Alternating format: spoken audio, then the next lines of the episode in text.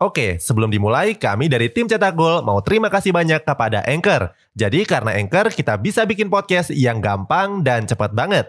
Mulai dari edit sampai share dan publish di banyak platform. Mulai dari Spotify, Apple Podcast, sampai platform podcast lainnya. Aplikasi Anchor ini gratis, bisa di-download di App Store dan Play Store, atau kamu juga bisa akses di website www.anchor.fm. Jadi sekali lagi terima kasih kepada Anchor yang bikin Cetak Gol punya podcast yang bisa kamu dengarkan sekarang.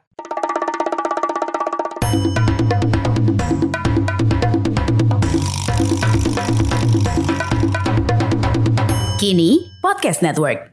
China mundur sebagai tuan rumah Piala Asia 2023 karena pandemi COVID-19 yang masih tinggi. Hasilnya AFC menawarkan posisi tersebut kepada negara lain. Sementara itu Indonesia punya peluang untuk maju juga. Akankah Piala Asia diselenggarakan di tanah air? Cetak Gol coba merangkumnya sebagai berikut.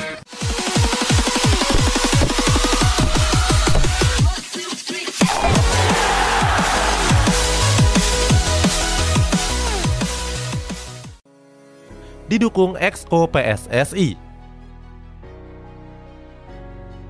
Anggota eksekutif PSSI yakni Hasani Abdul Ghani buka suara terkait kemungkinan Indonesia untuk jadi tuan rumah Piala Asia 2023. Menurut Hasani Abdul Ghani, ini adalah tawaran yang bagus. Hasani juga bilang langkah itu bisa jadi persiapan mereka untuk menggelar Piala Dunia. Hasani juga mengklaim kalau Indonesia siap dari segi infrastruktur. Menutup wawancaranya, Hasani mengaku akan mendukung hal tersebut seandainya diangkat dalam rapat. Akan tetapi, Ketua Umum PSSI Muhammad Iriawan punya pendapat yang berbeda. Pria yang sering disapa Iwan Bule ini menyebut kalau mereka masih fokus menggelar Piala Dunia U20. FIFA sendiri sebenarnya belum rilis tanggal yang pasti. Akan tetapi Iwan Bule yakin kalau Piala Dunia U20 dan Piala Asia 2023 akan digelar berdekatan. Dengan begitu, Iwan Bule menyebut kalau Indonesia bakal keteteran. sudah punya stadion yang bagus. Anggota Komite Eksekutif PSSI Haruna Sumitro mengatakan kalau Indonesia bakal mendaftarkan diri sebagai salah satu kandidat tuan rumah Piala Asia 2023. Haruna menyebut Indonesia bakal mengajukan diri karena sudah lolos ke Piala Asia.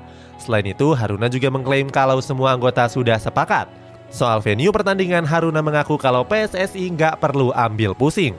Sebab Indonesia sudah punya 6 stadion yang dipersiapkan untuk menggelar Piala Dunia U20. 6 stadion tersebut adalah Stadion Jakabaring, Stadion Gelora Bung Karno, Stadion Si Jalak Harupat, Stadion Manahan, Stadion Gelora Bung Tomo, dan Stadion Kapten Iwayan Dipta.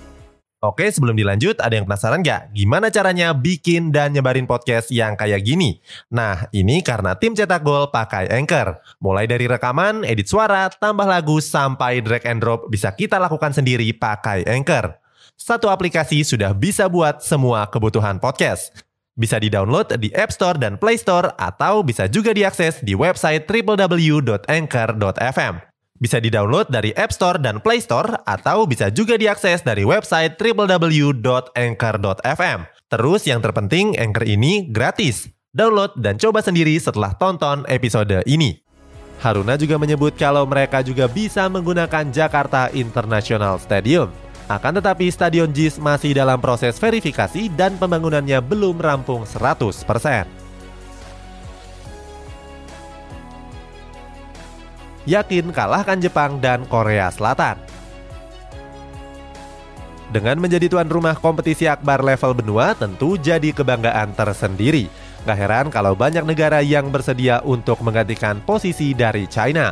Terbaru ada Jepang dan Korea Selatan yang dikabarkan maju sebagai kandidatnya.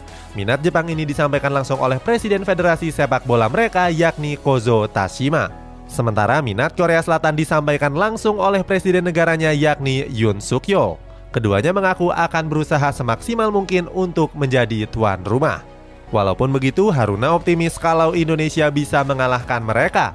Dalam wawancaranya, Haruna yakin karena Piala Asia 2023 digelar berdekatan dengan Piala Dunia U20.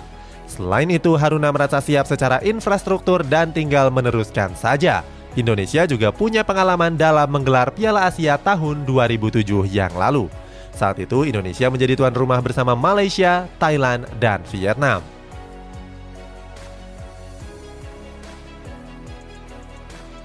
keuntungan menjadi tuan rumah.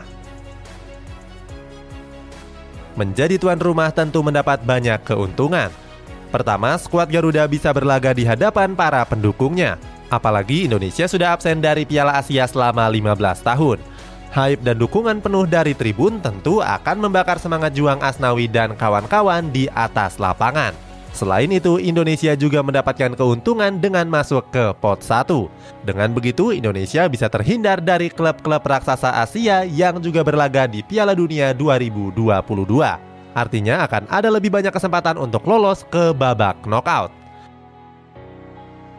Itulah upaya Indonesia untuk menjadi tuan rumah Piala Asia 2023.